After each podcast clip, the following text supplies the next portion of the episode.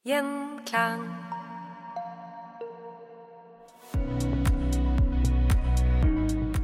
Velkommen til Kvinnehelsepodden. Hei, jeg heter Liv Ellingsen og er programleder for denne podkasten. Jeg har jobbet som fødselslege i mange år og brenner for å spre trygg kunnskap. Benskjørhet rammer mange kvinner midt i livet, også en god del menn. Det fins forebyggende medisiner, men det er få som får det, noe som fører til enda flere brudd. Vet du hvordan du kan sjekke om du er benskjør, eller hva du kan gjøre for å forebygge det, eller at det faktisk fins medisiner som kan hjelpe? Dagens tema er noe vi trenger mer kunnskap om. Det er begge dagens gjester veldig enig i. Velkommen, Åshild Bjørnerem og Anne Louise Hoen. Åshild er seniorforsker ved Nasjonalt senter for kvinnehelseforskning og professor ved Universitetet i Tromsø. Hun arbeider med og forsker på benskjørhet, og er brennende engasjert i å øke kunnskapen om temaet, og gi alle disse menneskene den behandlingen de skal ha. Anne Louise Hoen har osteoporose, og både moren og mormoren var benskjøre. Likevel fikk hun ingen behandling av fastlegen etter at hun testet seg for osteoporose for ti år siden, selv om resultatene viste at hun burde fått det. Tilfeldighetene skulle ha det til at hun møtte Åshild Bjørnerem ti år senere, ble oppfordret til å teste seg på nytt, og med ny fastlege fikk hun denne gang behandling mot osteoporose. Vi skal få høre din historie litt senere, Anne Louise, men først skal vi snakke om benskjørhet med deg, Åshild. Så først til tallenes tale. Kan du si noe om hvor mange rammes av benskjørhet, eller osteoporose som det jo heter? Ja, vi har ikke gode tall på hvor mange som har osteoporoseliv, eller såkalt beinskjørhet, men vi har tall på hvor mange som brekker. Etter å ha fylt 50 år, så er det omtrent 50% av kvinner og 25% av menn som vil oppleve å få et beinbrudd. I Norge så utgjør dette faktisk 50 000 beinbrudd hvert år. Og av disse så er det 9000 lårhalsbrudd, som også kalles hoftebrudd, som er den alvorligste typen beinskjørhetsbrudd. Både kvinner og menn taper beinmasse etter 50 års alder, og beinskjørhet er derfor vanlige, vanligere når man blir eldre. Kvinner har et større beintap grunnet fall i østrogen knyttet til overgangsalderen, og beinskjørhet rammer derfor særlig eldre kvinner. Omtrent 70% av bruddpasienter er kvinner. Det som er viktig, er at beinskjørhet gir ikke noen symptomer i seg selv.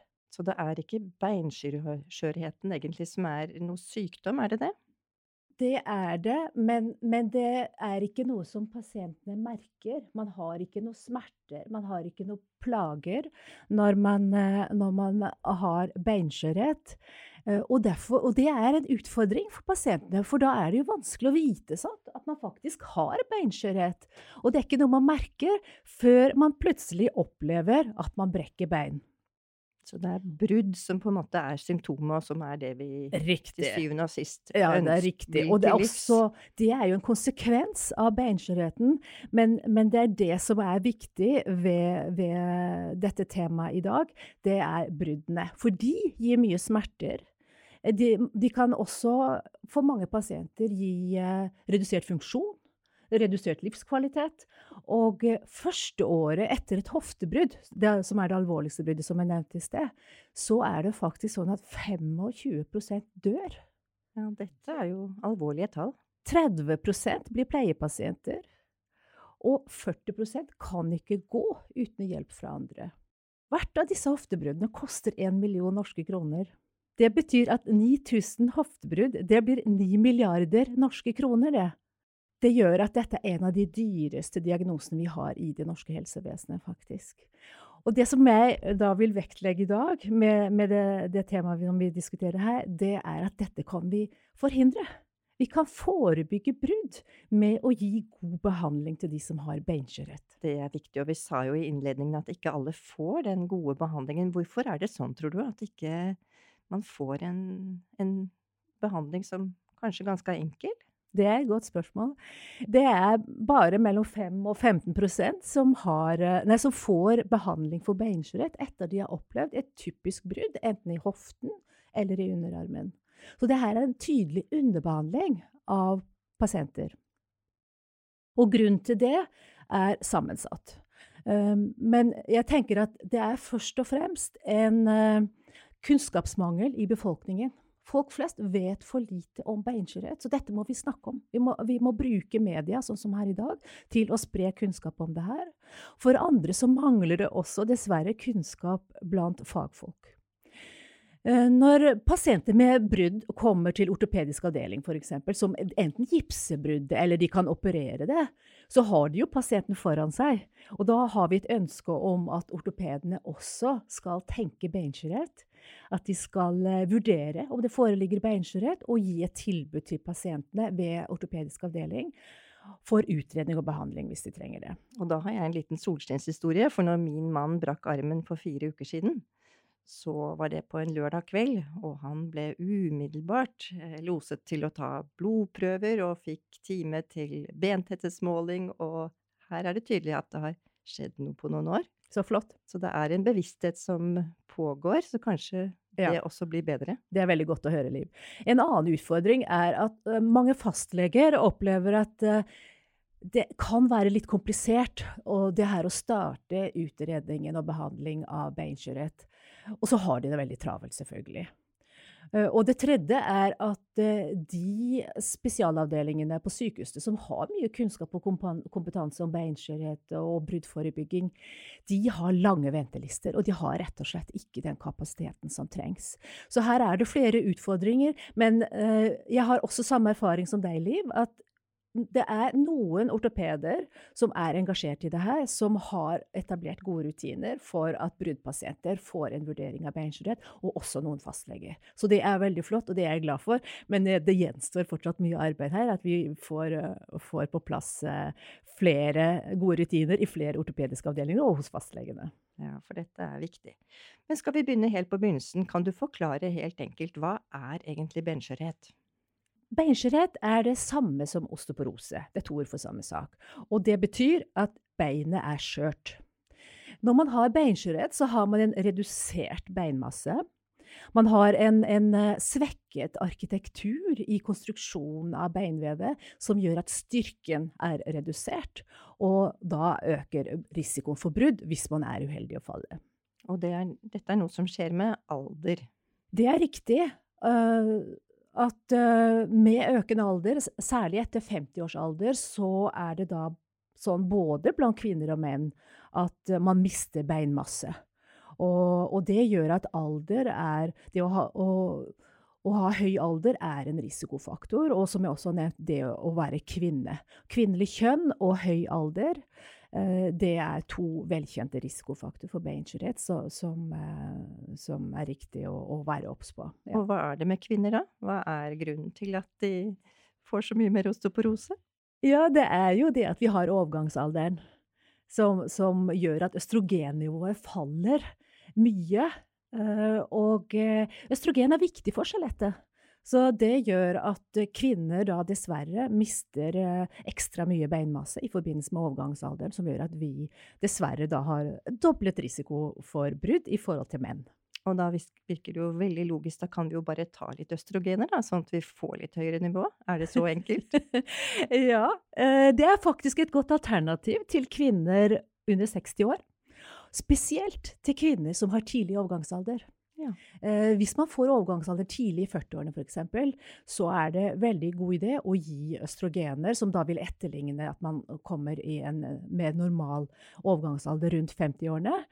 Eh, det forutsetter at man ikke har kontraindikasjoner mot østrogen. Men så kan man jo heller ikke fortsette med østrogen evig, så en eller annen gang så vil man komme ut i dette uføret da. Det er riktig. Det er riktig. Man kan, kan, gå over til annen behandling eh, når man avslutter østrogenbehandlingen, som, som uh, brukes mer spesifikt for, uh, for beinskjørhet. Men, men det er veldig fint at du nevner østrogen, for det har faktisk samme effekt som alendronat, den vanligste behandlingen for beinskjørhet, at det bremser nedbrytningen. Så det, det virker på samme måte. Så snakket du litt om eh, dette med symptomer, at det egentlig ikke ofte merkes så godt. Men eh, kan du si noe om hvilke symptomer man kan ha på benskjørhet? Ja, det er en utfordring, fordi benskjørhet i seg selv gir ikke noen symptomer.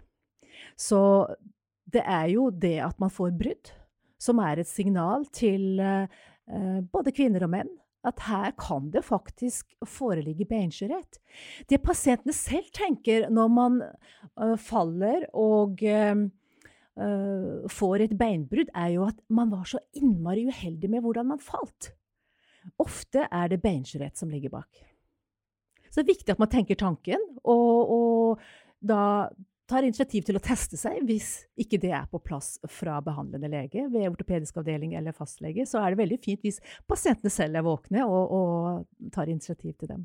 Og jeg har hørt at mange kaller det også den stille sykdommen, og det har vel noe med det å gjøre. Det er riktig. Det, ja, det er riktig. Ofte ikke merkes. Vi snakket om dette med kjønn og alder, men uh, hva med det genetiske? Har det noe med genetikk å gjøre? Det, det, mm, er helt riktig at en arvelig disposisjon er en viktig komponent i det her. Og, og, noen pasienter er jo fullstendig klar over det, at de har en mor, en mormor, tanter, onkler som enten har brukket lårhalsen eller har hatt en annen type beinskjørhetsbrudd, som gjør at man kanskje har eh, noen tanker i, i, i seg om at Kanskje kan jeg også ha beinskjørhet. Og, og, det er eh, veldig bra at man tenker tanken, fordi eh, en genetisk disposisjon bestemmer i stor grad den benmassen vi har. Man kan, når man utvikler beinskjørhet, så kan det skyldes at vi bygger lite beinmasse i ung alder, eller at vi taper mye med økende alder. Eh, men det er jo også en del andre faktorer som kan bidra. Det er ikke sånn at alt er genetisk bestemt. Det er eh, Vi har aldri vært innom alder og kjønn. Og det kan man ikke gjøre så mye med, og heller ikke da den uh, arvelige disposisjonen disposisjon som man eventuelt har.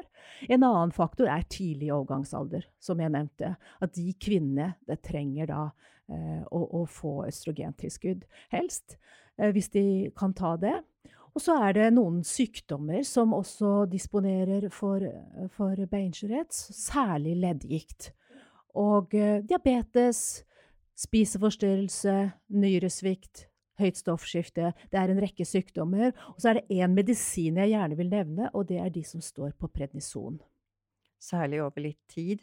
Riktig. Hvis du, har, hvis du tar mer enn 5 milligram i mer enn tre måneder, og det kan være gunstig hvis du har en sykdom som gjør det nødvendig å, sta, å ta prednisonbehandling, så kan det være viktig å gi de forebyggende behandling samtidig innledningsvis, ikke vente til de har mista mye beinmasse etter å ha stått på denne medisinen. Og prednison eller kortison, eller, eller hva man kaller det. Det ja. brukes jo for mange sykdommer ja. i dag.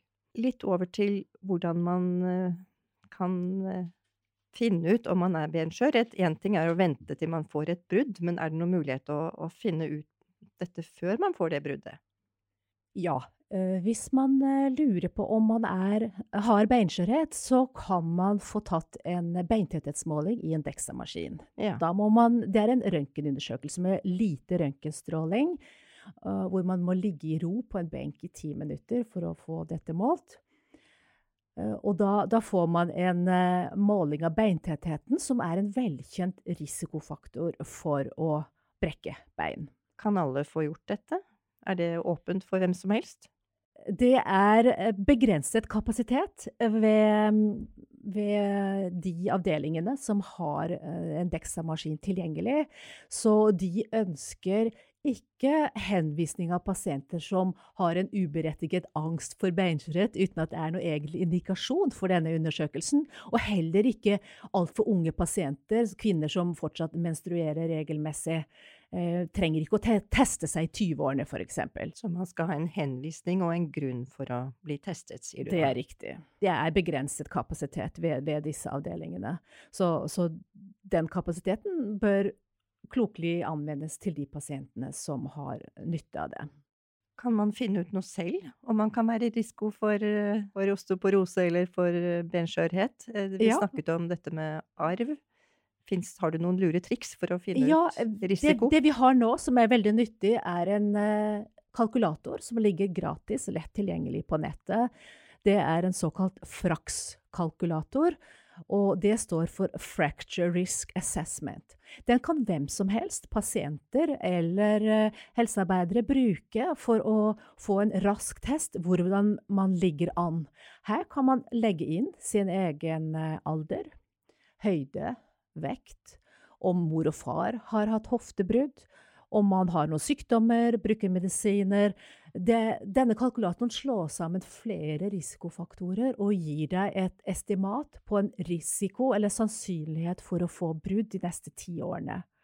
Og den gir en indikator som er nyttig for å si om det er behov for behandling for, for beinskjørhet eller bruddrisiko, og om det, er, om det er indikasjon for beintetthetsmåling. Så den er nyttig av flere grunner, og, og det kan man gjøre hjemme på egen hånd. Uh, uten at man behøver å gå til legen for det, testen der. Og da kommer vi litt over på behandling, for det fins behandling. Ja. Og det er vel et av dine hjertesaker, at det ja. kanskje er, brukes for lite behandling, rett og slett. Det er riktig. Som vi allerede har vært inne på, så er det, er det bare 5-15 som har fått behandling i de studiene som har testet eh, andel som er gitt behandling etter et typisk beinskjørhetsbrudd. Så det er helt riktig som du sier, at vi ønsker at flere beinskjøre skal få både utredning og behandling når de trenger det, slik at vi kan forebygge flere brudd og de, de alvorlige konsekvensene for å spare pasientene for lidelse og, og, spare samfunnet for kostnader. Og de behandlingene vi har, da er det aller vanligste å ta en tablett en gang i uka. Ja. Og mange er fornøyd med den, at den fungerer fint, de merker ingenting. Og, og, har det helt greit med den behandlingen. Men hvis du Og det er en behandling man får på resept hos fastlegen sin? Det er riktig. Ja. Hvis du ikke er fornøyd, så er det viktig at du sier ifra til din fastlege eller behandlende lege hvis de har fått uh, foreskrevet dette på sykehuset, for da fins det andre behandlingsalternativ. Vi har en rekke nye medisiner nå som, som, er gode alternativ for de som trenger å bytte til noe annet. Både i form av sprøyter og intravenøs behandling. Så her er det en stor verktøykasse som ikke vi skal gå sånn helt grundig inn på. Men det som vi skal snakke litt mer om, det er dette med forebygging. Fordi det er jo en del man kan gjøre selv Åshild, er det ikke det? Jo, det stemmer. For å unngå osteoporose. Ja. Genetikken får vi ikke gjort så mye med. Det er riktig. Men det er jo en del eh, risikofaktorer som handler om livsstil, som jeg ikke nevnte i sted, som jeg kan eh, nevne nå, samtidig med livsstilstiltak. Og det gjelder f.eks. å unngå stillesitting. Det er viktig å være fysisk aktiv. Eh, det aller beste er styrketrening, der du får en, eh, en vektbærende belastning, gjerne tunge vekter, på skjelettet ditt eh, ved å trene vektbærende trening, enten i form av løping, trappegang eller hopping, så, så, er det veldig gunstig på skjelettet. Det styrker skjelettet ditt, det styrker muskelmassen, og det bedrer også balansen og forebygger fall. Så, så, dette med trening og være fysisk aktivitet og unngå å sitte stille, det kan jeg ikke få sagt uh, mange nok ganger. Og uh, det er også anbefalt å, å, trene med vekter, faktisk, selv om du er beinskjør. Noen kan jo være litt redd for å trene hvis de føler at de har et skjørt skjelett. Så kan de, kan de tenke at det her høres farlig ut, å løfte tunge vekter. Så da gjelder det å begynne i det små og, og ta dette gradvis. Og hvis man er bekymret eller engstelig, så kan det være lurt å få hjelp av en fysioterapeut eller en personlig trener så, som gjør at man kommer i gang. Det andre er jo kostholdet. Kostholdet er viktig. Ja. Og um, da er det sånn at vi for å opprettholde en god uh, beinhelse med økende alder, så trenger vi tilstrekkelig inntak av proteiner. Tilstrekkelig energiinntak. Noen er undervektige og, og, og tynne og, og, har ikke så god matlyst, men dette er viktig. Så i osteoporosesammenheng så er det faktisk ikke noe fordel å være altfor slank, stemmer ikke det? Det er helt riktig. Eh, for hjerte-karsykdommer så er det fordel å være slank, men når det gjelder eh, beinskjørhet, så er det faktisk fordel å ha litt fett på kroppen. Eh, grunnen til det er at man i dette fettvevet både har østrogenproduksjon, pluss at det er en slags padding hvis man er uheldig å, å falle. Og hvis man har litt fett på kroppen, så gir det også mer muskelmasse. Og muskelmasse er det aller gunstigste for skjelettet. Det kan være litt trøst da, til noen som føler at de har noen ekstra ekstra kilo. Ja, det kan være godt å, å i hvert fall ha normal BMI pluss litt ekstra. Mm. Så, så her, her er det en fordel. Eh, en annen ting er jo når det gjelder kosthold, og vi snakket nå om eh, energiinntak og proteiner. Man trenger også tilstrekkelig inntak av kalsium Ja. og vitamin D. ja. Vi nordmenn har jo en tradisjon for å drikke melk. Vi har hatt, i hvert fall. Men jeg tror jeg har lest at, at melkedrikken går ned. Det er riktig, og særlig i, eh, blant yngre. Mm. Så det kan være lurt å teste seg, men hvis anbefalingen er jo å, å ta minst tre enheter per dag. Hvis man spiser en yoghurt og en skive ost eller to, eller tar litt melk i kaffen eller drikker litt melk, så kan tre enheter melkeprodukter være til, i tilstrekkelig kalsiuminntak. Og det kan du også sjekke på www.melk.no. Der er det en kalkulator som beregner kalsiuminntaket ditt. Og hvis du har tilstrekkelig kalsiuminntak i kostholdet ditt, så trenger du ikke å ta kalsiumtilskudd. Men hvis det er for lavt, så er det nyttig. Det var en nyttig regel du hadde der. Det andre er jo da vitamin D, som er viktig for opptak av kalsium fra tarmen.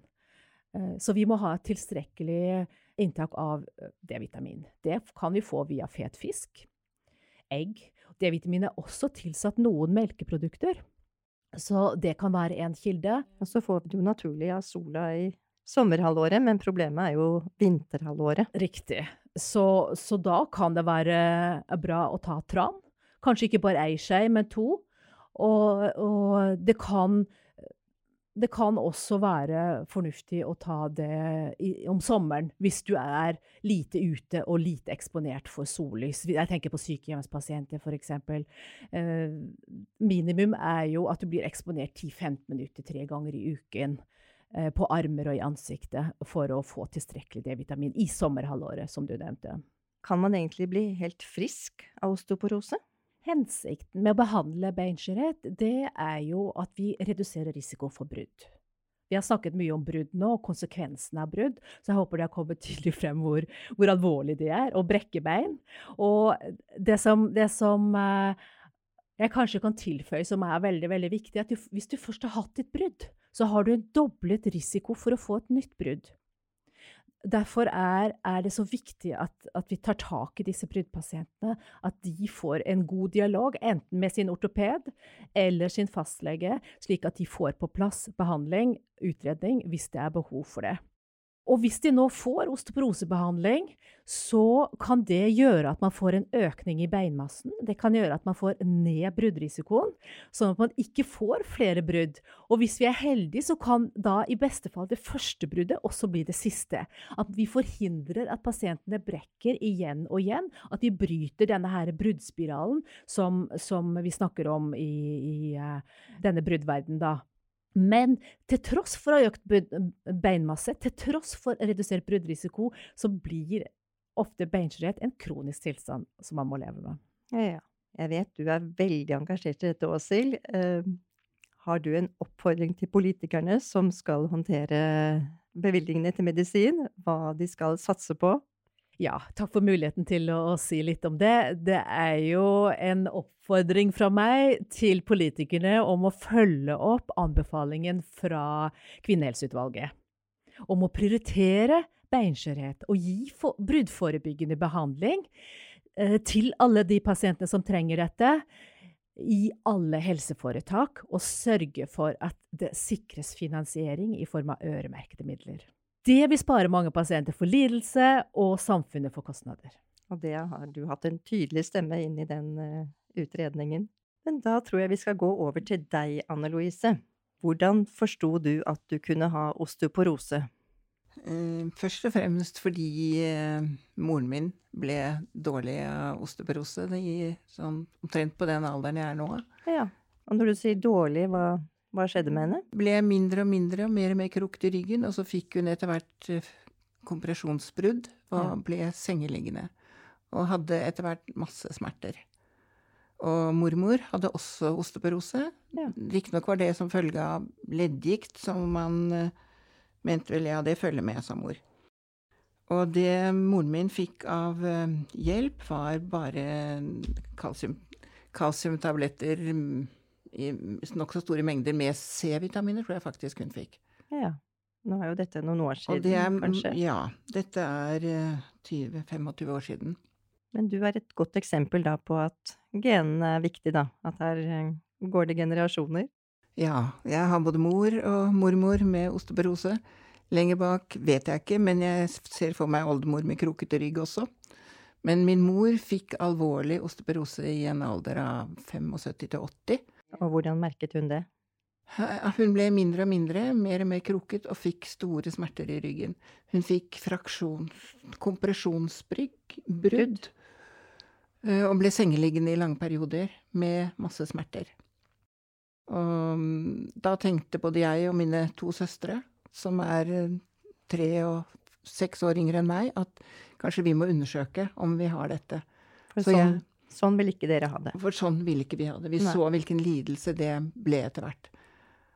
Um, så derfor har jeg fått tatt um, uh, Blitt undersøkt. Fått tatt uh, nødvendige undersøkelser flere ganger opp gjennom årene.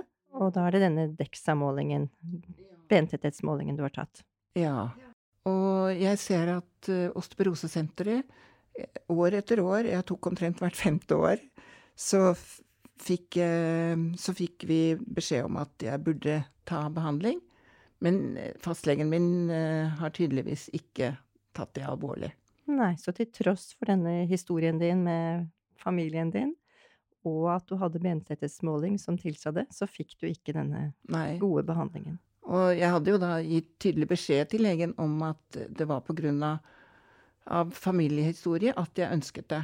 Og jeg brakk også stadig ting. Altså jeg brakk ben, jeg brakk håndledd et par ganger, jeg fikk et komplisert albuebrudd og ribben. Relativt ofte gikk jeg med ribbensbrudd.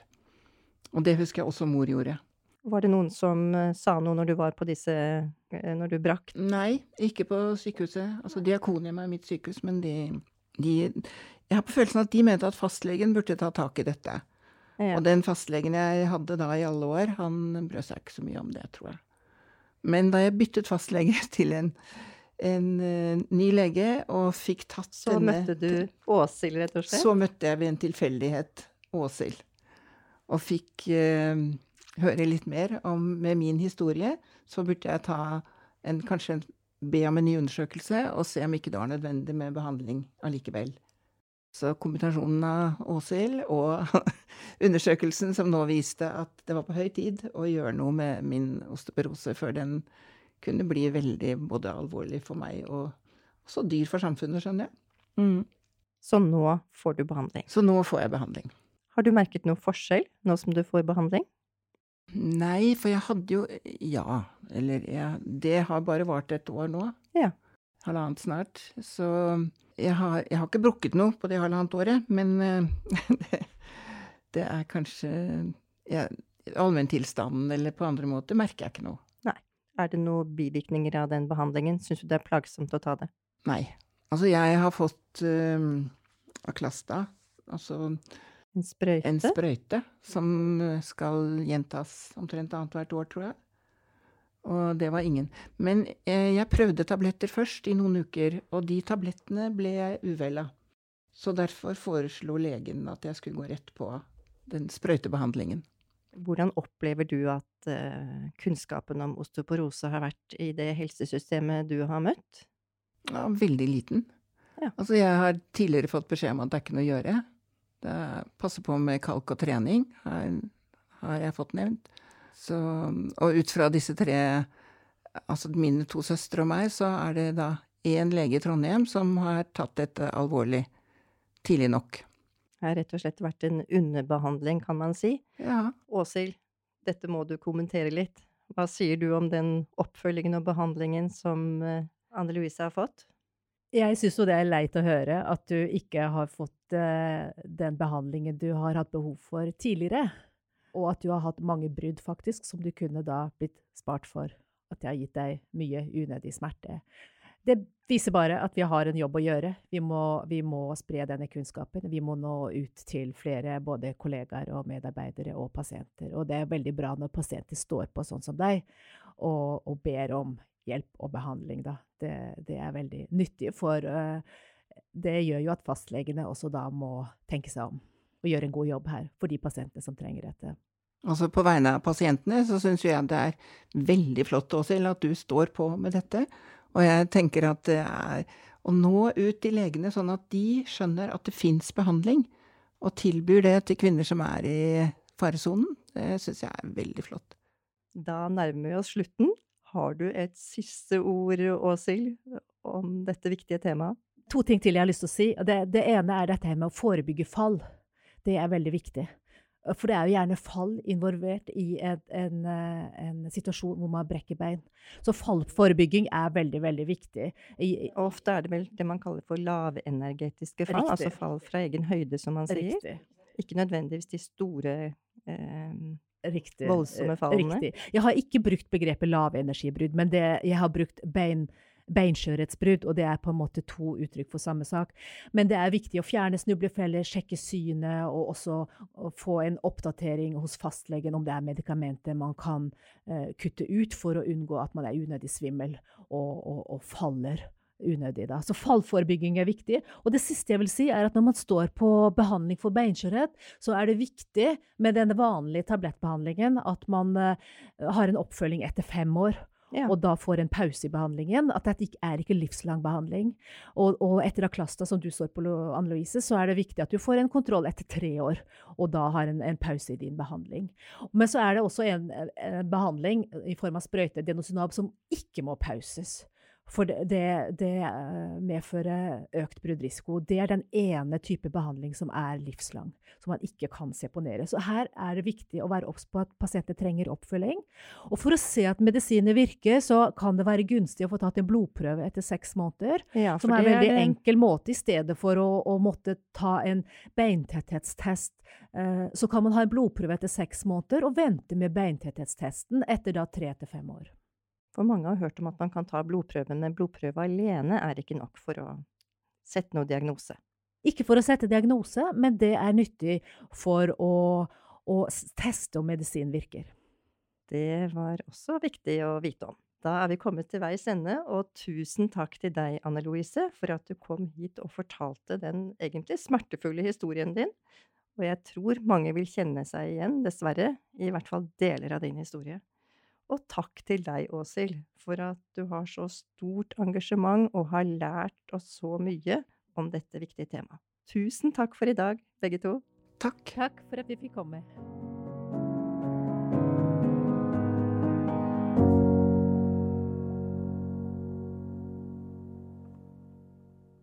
Gjenklang.